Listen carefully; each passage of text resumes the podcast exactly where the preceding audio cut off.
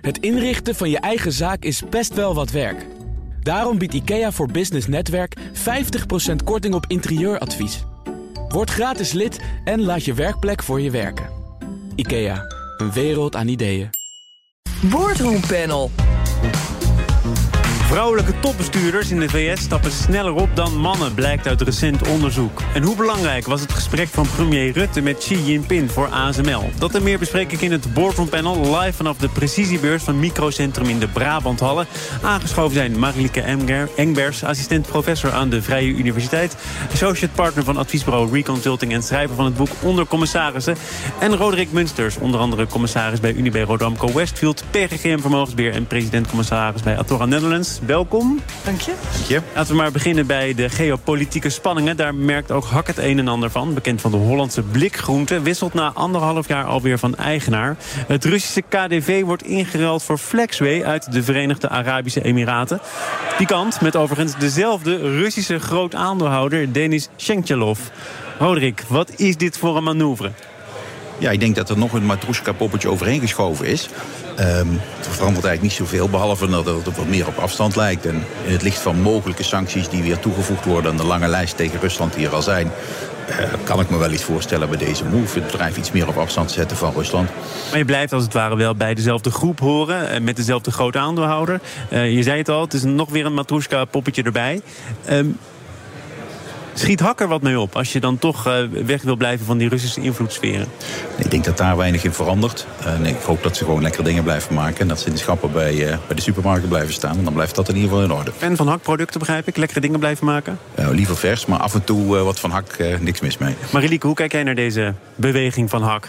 Ja, ik kan wel vinden wat Roderick zegt. Ik ben wel geïnteresseerd in, als staat in het persbericht... dat uh, er niet zoveel verandert. De eigenaar blijft hetzelfde. Ik snap ook wel dat je dan uit Rusland weggaat... vanwege alle politieke gevoeligheden erom, hè, rondom uh, Rusland. Ik vind het alleen ook wel interessant dat we doen alsof dat losstaat, die eigenaar. Dat het niet geraakt wordt. Want ik zou wel heel graag willen weten wat voor man is dat? Wat zijn zijn waarden? Waarom gaat hij nu naar de Emiraten? Of waarom zitten ze dan in de Emiraten? Nou, daar bundelen dus al hun internationale food activities. Ja, ja, ja, ja. En wat we weten over deze man, ik ken hem niet persoonlijk, is dat hij tamelijk rijk is. Maar ook al een gekend criticaster is van Poetin. Hij staat ja. ook niet op die sanctielijst van personen met wie je geen zaken meer mag ja. doen. Dus wat moet die man eigenlijk nog meer doen om toch keurig en netjes voor hak te kunnen zorgen? Ja. Ja, dat is een goede vraag. Ik denk dat daar veel belangrijker is van wat voor man is dit... en hoe probeert hij met zijn eigen Russische achtergrond het goede te doen. Hij woont geloof ik in Australië, dus dat is denk ik wel interessant. En ook de CEO van Nederland, door wie wordt die aangestuurd? Want ik heb niet zo om kunnen ontdekken, is er een RVC boven deze persoon? Dat lijkt me wel. Dat kan ik maar... je ook niet zo zeggen. Ik heb wel redelijk recent gesproken met de CEO van HAK, Tim Hogeboom. En uh, we hebben het toen ook gehad over die nieuwe Russische eigenaar. En hij zei nog, met een kwinkslag, maar toch ook half serieus... wij gaan ons uh, veel meer richten op uh, nieuwe koeltechnieken, op uh, koude producten. Dus enige Siberische ervaring is zo gek nog niet. Ja, ja. Uh, maar los daarvan betekent het nu ook dat nieuwe bedrijven die voor deze keuze staan... toch eerder zullen zeggen een Russische eigenaar, liever niet. Ja, goed. Ik weet niet. Als hij gewoon in Australië woont en eigenlijk alleen maar Rus is, maar niet in de praktijk dat enige betekenis heeft, dan moeten we ons niet door de, de imago uh, laten leiden, lijkt me. Nee, maar je ziet nu wel wat er gebeurt. Want volgens mij is de officiële verklaring: wij zijn samengegaan met KDV, dat Russische bedrijf, vanwege synergievoordelen. En gezien de geopolitieke spanningen en de sancties die er op dit moment zijn, vallen die voordelen weg. Ja, dat klopt. Dus, dus het gaat niet alleen om de ratio achter de bedrijfsvoering en in de richting van de aandeelhoudersstructuur, maar ook de emotie die daarbij komt kijken bij, bij mensen in de straat in Nederland, bij de regering. Uh, en, en, daar heb je ook rekening mee te houden. We gaan naar andere emoties. Oranje koorts hier aan tafel, valt het mee? Nee, valt wel mee. Uh, Oranje-Rood, de hockeyclub in Eindhoven. Ah, de hockeyclub. Pardon, dan zitten we toch net niet helemaal naar de goede sport te kijken. We gaan het er wel over hebben. Albert Heijn, ING en Heineken kregen een aanbod van de KNVB... om met zakelijke klanten naar WK-wedstrijden van het Nederlands elftal in Qatar te gaan. Maar dat aanbod hebben ze afgeslagen. Het gaat om de vaste sponsoren. Blijkt uit berichtgeving van de NOS.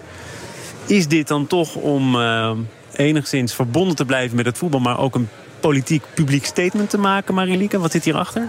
Ja, ik vind het allemaal een hele squeeze. Je ziet dat ze qua uh, oppervlakkige imago proberen ze nu hun reclames aan te passen. Maar ze willen er nog wel geld aan verdienen. Want anders zou je misschien helemaal überhaupt geen reclames willen maken rondom dit hele festijn. Ze hebben dus wel zendtijd gekocht in de belangrijkste, populairste blokken. Maar ze komen niet met een speciale WK-campagne. Nee, precies. Dus dan zie je al een squeeze. Ze investeren wel in de reclame. Maar niet, ze willen wel anders kleuren. Want anders krijg je misschien een jumbo-effect.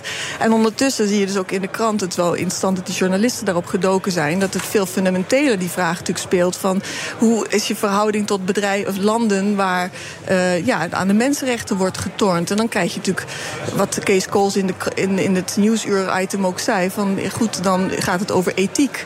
En dan wordt het heel ingewikkeld. En als commissarissen dus het ene moment uh, bij de ene organisatie daar gevoel voor tonen en de andere niet dan zie, in het imago kan het vervelend overkomen. Tegelijkertijd is elke organisatie anders. Dus kan je ook voorstellen dat de discussie uh, per raad anders is. Dat bleek ook uit uh, het uh, onderzoek van de NOS en Nieuwsuur. Er zijn commissarissen bij vijf van die zes grote sponsors van de KNVB... die bij de KNVB-sponsor zeggen... nou, dat WK in Qatar, dat beleven wij wel op een afstandje. En tegelijkertijd zijn ze commissaris, toezichthouder bij bedrijven... die heel erg nauw betrokken zijn bij de organisatie van dat WK. Bijvoorbeeld de licht in de stadions.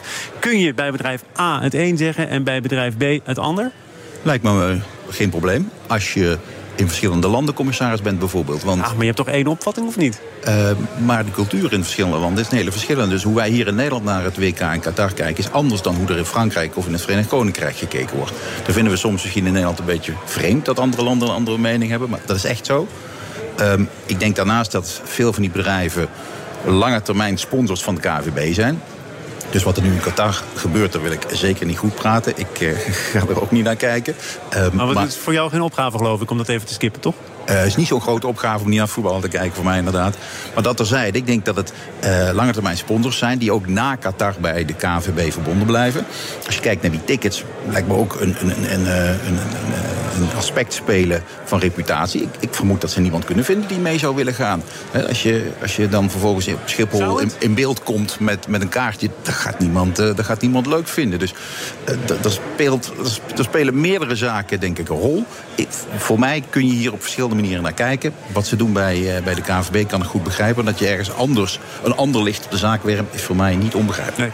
Nee. Nou, om daar toch nog even op terug te komen, Marilieke. Want uh, Roderick zegt hier, uh, de cultuur in landen... en zelfs binnen bedrijven kan dermate verschillend zijn... dat je ook als commissaris toch voor een andere opstelling kiest.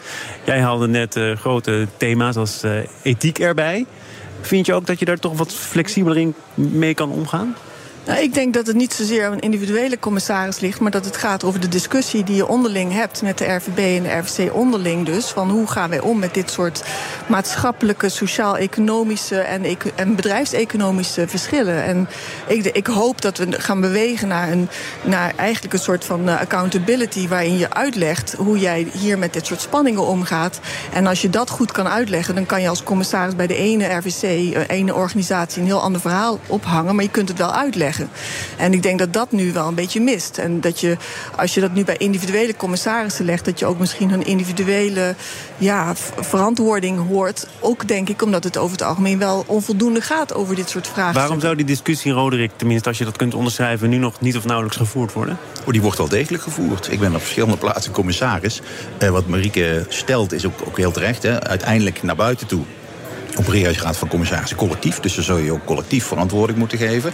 En waar zij toe oproept, ben daar transparant over. En laat ook de dilemma's zien waar je mee worstelt. En hoe je uiteindelijk tot een keuze gekomen is. Daar, kan ik me 200% achter, uh, achter verklaren. Dat is ook een oproep die de Monitoring Commissie Corporate Governance doet. Uh, aan commissarissen. Laat zien wat je bezighoudt. Laat zien hoe je ermee omgaat. En laat ook zien hoe, hoe je uiteindelijk tot een afweging komt van belang en een keuze maakt. Tot slot, hoe kijken jullie naar uh, de Johan Cruijff Arena? Uh, groot adviseur bij de bouw en het ontwerp van WK-stadions in Qatar. En daar is het natuurlijk toch om te doen, want daar uh, zijn mensen gesneuveld in grote getalen. Daar zeggen ze, ja, met de kennis van nu, achteraf zouden wij anders nadenken over deze opdracht. Is dat te makkelijk? Is dat een praatje voor de bühne? Of kun je ook niet heel veel anders dan dit? Nou, je kunt het verleden niet meer veranderen. Daar zijn, ik, ik vind, het lijkt me een beetje makkelijk, maar ik, ik ken de casus onvoldoende. Uh, Nou, ik denk dat we hier aan een punt raken. En ik, ja, ik weet niet hoe Roderick er tegenaan kijkt. Maar ik heb wel de indruk dat er veel te veel teruggekeken wordt. Dat wordt ook wetenschappelijk zo aangegeven. Dat in de boardroom te veel teruggekeken wordt in plaats van vooruit. Ik denk dat de hele klimaatcrisis dat ook wel aantoont. We weten al heel lang dat dit op ons afkomt. Hoe kan het zo zijn dat we nu opeens met z'n allen als soort handrem uh, in de boardroom aan over verduurzaming moeten hebben? Dus mijn, mijn uitdaging is wel om te kijken van hoe komt het nou eigenlijk dat in de boardroom toch relatief weinig, denk ik, te veel vooruit, genoeg vooruitgekeken wordt om dit soort dilemma's voor te zijn. Roderick? Ja, ik zit in vier boardrooms en dan kijken we wel degelijk uh, vijf tot tien jaar vooruit. Ja, maar dat is puur omdat jij er zit. Anders was het niet gebeurd. Nee, nee, zeker niet. Ik, ik, prijs me gelukkig met veel sterke collega's. Uh, dus, dus ik... Nou ja, jij bent wetenschapper. Ik, ik kom iets meer vanuit de praktijk. Ik herken het minder, maar ik heb natuurlijk een wat beperktere waarneming. We gaan naar het uh, tweede deel van dit panel voor nieuwe waarnemingen. BNR Nieuwsradio. Zaken doen. Thomas van Zeil. Marielike Engbers en Roderick Munster zijn de leden van het Boardroom Panel. En we praten over premier Rutte, die deze week de Chinese president Xi Jinping trof. Onder meer om te praten over de Nederlandse chipfabrikant ASML. Kan niet ontbreken hier in Brabant, hè, toch een regionale trots. Marielike en uh, Xi heeft Rutte op het hart gedrukt om politiek en handel... misschien moeten we het weer over ethiek hebben te scheiden en toch vooral een eigen koers te varen. Zal Rutte onder de indruk zijn? Oh jeetje, ik, of hij onder de indruk ik zou het niet weten. Um, ik, ik zou wel denken dat hij onder de indruk moet zijn van de complexiteit van deze opdracht die hij heeft. Van wat ga je, hoe ga je hierop reageren? Economische belangen, uh, maatschappelijke belangen, het, alles loopt nu, lijkt het wel door elkaar heen. En ik denk dat je ontzettend uh, heel goed moet kunnen nadenken om alles te ontwarren en dan goede besluiten te nemen. Nou, als het zo complex is, dan heeft hij jouw hulp meer dan ooit nodig. Wat zou je hem adviseren? Ik denk dat we na een, dat idealiter, dat je bij wijze van spreken een soort ethische denktank naast het kabinet hebt zitten, die continu ontwar, hè, wat ik net zei, ontwart. Dat je gewoon logica, dat je scenario's schetst en als je dit gaat doen, dan kan je dit verwachten. En waarbij dus echt ook die, ze noemen dat in de, in de, in de wetenschap, de strategische discussie van de politieke discussie onderscheidt. Dan heb je natuurlijk ook nog te maken met een andere cultuur, een andere taal. Dus mensen praten daar ook echt anders. Hè. Dus niet, niet woordentechnisch, maar ook een andere stijl van spreken. En dat je met al die dingen bij elkaar, dat je mensen, multidisciplinair team met filosofen en uh, bedrijfseconomen, dat je eigenlijk ze laat nadenken over dit soort vraagstukken. Je kunt het niet verwachten van het kabinet die in een volle vaart besluiten moeten nemen. Dat, dat er gewoon een groep mensen is die daar heel fundamenteel over nadenkt. Kun je nog uh, goede rationele besluiten nemen op het moment dat je gevangen lijkt te zitten tussen twee grote blokken? Namelijk uh, China dat zegt, joh, laat je niet zozeer van de brengen. Wij hebben die chips nodig. Het is voor ASML van belang, kan voor Nederland van belang zijn. En aan de andere kant van het verhaal... Eh, eh, de Verenigde Staten met een uitgebreidere sanctielijst... en een verbod op het eh, invoeren van de nieuwste technologie... en nu, als het even tegen zit, ook de verouderde generatie machines van ASML? Daarom is het dus goed dat Rutte in gesprek gaat met Xi. Ik denk dat het ook van belang is om te onderkennen dat we wel een hele sterke positie hebben in Nederland. Omdat ASML wereldmarktleider is op het, op het gebied van die chipsmachines. Dus het is goed om dat gesprek aan te gaan. Je moet natuurlijk met de Amerikanen goed contact houden, maar, maar niet slechts aan de leiband van, uh, van de Amerikanen meelopen. En om naar beide kanten de lijnen open te houden, uh, lijkt me heel verstandig. Dus ik. Uh, so far doet Rutte het volgens mij Heeft goed. ASML hier nog wat over te zeggen? En dat, dat zeg ik ook omdat Peter Wenning zei... joh, het is van gods onmogelijk om alles, om die term maar te gebruiken, te ontwarren. 50% van alle chips in de wereld wordt in China verwerkt... in producten die jij en ik elke dag gebruiken. Het is allemaal met elkaar verweven, je kunt het niet scheiden. En hij zei ook nog, je kunt met die enorme rekenkracht... want daar gaat het om, hè, het maken van chips kun je slechte dingen doen... maar ook hele goede, zoals scholing en medische technologie. en dan moet je je afvragen, hoeveel impact heb ik er als bedrijf op dat iemand anders daar iets goeds of iets slechts mee doet. En als die impact nul is, ja, wat staat mij dan te doen, Marilieke? Ja, weet je, bij dit.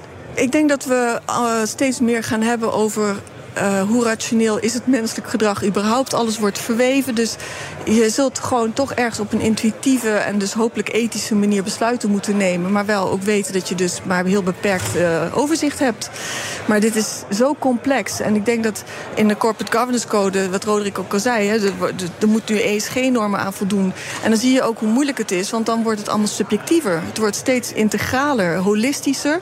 En nou ja, ik weet niet of we als mens daar heel erg goed in zijn om dat echt goed te analyseren en daar een ja, besluit over te nemen wat we nou moeten doen. We gaan het toch nog even concretiseren aan de hand van een voorbeeld van vandaag. Ik begon deze uitzending met een gesprek met Charles Smit van uh, Nexperia. Daar hebben ze vorig jaar een fabriek geopend in Wales, gekocht. Ze hebben daar een Chinese eigenaar en ze krijgen nu van het Verenigd Koninkrijk de dwingende opdracht om hun belang van 86% te verkopen. Omdat het in strijd zou zijn met de nationale veiligheid van het Verenigd Koninkrijk. En Charles Smit zegt, ik ben verbijsterd. Ik begrijp niet dat dit zo uh, heeft kunnen gaan. Want wij hebben op alle mogelijke manieren geprobeerd om met die Britten in contact te komen. We hebben voorwaarden gesteld. We hebben ervoor gezorgd dat als zij denken dat het gevoelig ligt... bepaalde producten niet naar China gaan. Um, is dit toch het ultieme bewijs dat we tegenwoordig heel anders kijken naar welke vorm van Chinese inmenging dan ook? Nou, niet slechts Chinese, denk ik. Ik denk dat je meer ziet dat globalisering... Uh, althans, dat regeringen dat willen, dat een beetje wordt teruggedraaid. Dat de afhankelijkheden van verschillende blokken kleiner worden. En uh, de man van, uh, van dit bedrijf die heeft natuurlijk alle gelijk van de wereld als bestuurder... dat hij het, uh, dat hij het niet begrijpt en dat hij het er niet mee eens is. Hij zit al 100 jaar in Manchester met zijn bedrijf. Absoluut, maar regeringen kunnen wel een grens in het zand trekken. En ook in Engeland democratisch gekozen kunnen wij niet leuk vinden... maar dan kan het nog steeds wel gebeuren. Je kunt het aanvechten overigens bij de rechter, dat zal hij waarschijnlijk ook wel doen. Maar dan nog, dit soort dingen zie ik in de toekomst meer gebeuren. Dus dan moet je op voorbereid zijn. En als onderneming zul je de flexibiliteit moeten hebben... om dan te kunnen blijven opereren. Maar vind jij ook dat deze meneer alle gelijk van de wereld heeft? Um, vanuit zijn zakelijk perspectief wel. Ja, maar ik, ik, wil het holistisch bekijken. Nee, maar dus, dus ik, ik, denk vanuit het perspectief van de, van de regering in het VK... waarin ze uh, China een beweging zien maken... Uh, in de richting van, van dominantie van de wereld... of althans op nummer 1 willen staan... en er zorgen leven op hoe de Chinese regering... met bijvoorbeeld mensenrechten omgaat... snap ik dit terughoudend tijd bij de... We hebben vorig jaar die fabriek gekocht, geïnvesteerd. Ja, ja dus uh, vorig jaar ook nog geen oorlog in Oekraïne. Maar denk je echt dat we nog terug kunnen naar het nationale? We zijn zo he, globaal, alles is zo onafhankelijk van elkaar. Ik bedoel, uh, ja, je kunt wel zeggen van je mag niet handelen met, nou ja, met, met China, maar hoe gaan we dat inderdaad dan regelen? Nee, ik, ik zeg niet dat ik dat uh, terug wil draaien. Ik zeg ook niet dat ik er blij mee ben. Maar ik zie het wel voorzichtig gebeuren. Hè. Dus in, in Duitsland zie je hetzelfde. Dat uh, voorgenomen verkopen van chipsfabrieken met eenvoudige producten door de regering worden geblokkeerd. Um, dus, dus bereid je er maar op voor als bestuurder dat dit soort dingen vaker gaan gebeuren. Als je, dat niet doet, als je daar niet over nadenkt... als je niet de flexibiliteit in je strategie hebt om er iets mee te doen... dan kom je straks uh, voor grote problemen te staan. Nog een uh, groot probleem, althans in de ogen van sommigen... namelijk het gebrek aan vrouwelijke leidinggevenden. Uit uh, recent onderzoek van McKinsey blijkt dat veel Amerikaanse topvrouwen ermee stoppen. Voor iedere vrouw die in de Verenigde Staten hogerop komt... staan er twee die vertrekken. Welke verklaringen zie jij, Marilieke? Ja, ik denk dat er een fundamentelere uitdaging ligt op het gebied van diversiteit. Ik denk dat er wel inderdaad een gebrek aan diversiteit is. En ik merk ook zelf wel, loop er tegen dingen aan. Maar ik denk, ik kijk er veel meer naar van de spelregels in de boardroom. Met name, denk ik, zijn heel erg bedrijfseconomisch, financieel-economisch legalistisch, zeg maar. En dat, uh, ik denk dat dat meer een verklaring is voor. Dat betekent dus bijvoorbeeld dat de boardroom heel erg op efficiëncy is gericht. De agenda is relatief uh, mechanistisch-tactisch. Ja, jouw boek gaat ook voor een belangrijk deel over talen, hè? hoe ja. mensen met elkaar spreken. Ja. En dat is allemaal te veel vanuit het mannelijke perspectief gedacht? Ja, mannelijk is dat mannelijk bedrijf. Ik vind veel meer dat het rationele perspectief is dan dominant. En, en we zijn natuurlijk zo lang aangetoond, we zijn niet rationeel. Dus hoe zouden we met elkaar praten als we omarmen dat we eigenlijk allemaal irrationeel zijn? Dat macht een hele belangrijke factor is in alles wat we doen. In conflicten een belangrijke rol zijn. Wat voor spelregels heb je dan nodig? En daar ben ik dus heel druk mee bezig om dat met RVC's uit te proberen. En dan zie je dus dat dat echt een cultuurverandering vraagt van iedereen. He, dus bijvoorbeeld als je macht op de agenda zet, formeel, dus niet in de informele circuit, dan blijkt dus he, macht van de leider, van de bestuurder bij wijze van spreken. Dan zou het misschien wel logisch zijn dat er meer psychiaters in de boardroom komen. Als je dat op de agenda zet, macht heb je toch of je hebt het niet? Hoe nee, kun je dat op de agenda zetten? Er is gewoon als een bestuurder zeg maar, die rol krijgt... en is ook nog een, een stevige, grote organisatie... dan heeft hij macht, hè? dat is gewoon macht. En wij als mensen reageren op macht. Dus als je met een bekende Nederlander te maken hebt... dan ga je toch al heel anders met die persoon om... dan dat het de, buurman is of uh, de bakker. En dat, dat aspect, dat hoort in de boardroom expliciet op de agenda te zijn. Want jij als RWC beoordeelt, bepaalt wie leiding geeft aan die organisatie. En dan moet je dus, nou ja, goed, er zijn allemaal middelen voor om daar met elkaar over in gesprek te gaan. Maar dat is zo'n ongemakkelijk gesprek dat dat meer informeel en via de remuneratiecommissie ah, ik vind, ik vind ook dat dat gewoon op de radio moet kunnen hoor. Ja, ja, ja. Zo'n ongemakkelijk gesprek.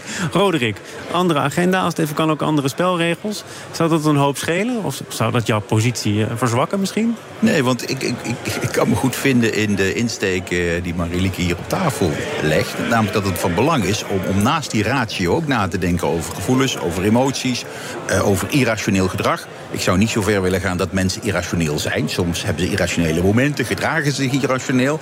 Maar dat is niet altijd zo gelukkig. Hè? Uh, maar er moet wel ruimte voor zijn. En die moet je doelbewust creëren. Soms uh, ontstaat die vanzelf, soms uh, neemt het veel tijd, soms iets minder.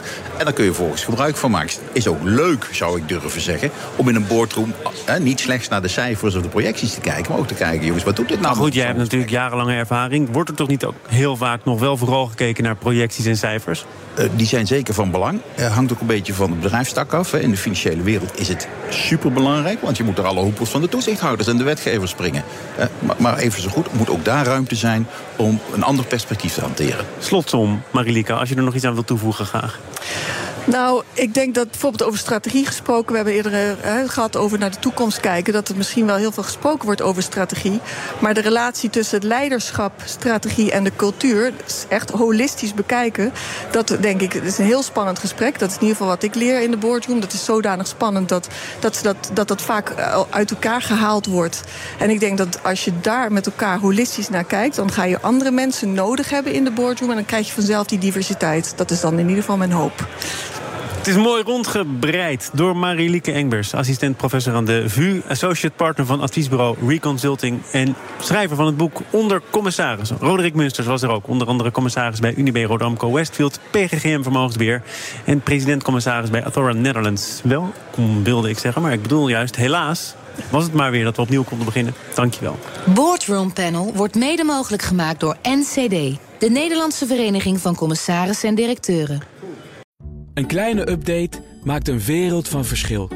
Daarom biedt IKEA voor Business Netwerk gratis snelle interieurtips en ideeën. Word gratis lid en laat je werkplek voor je werken.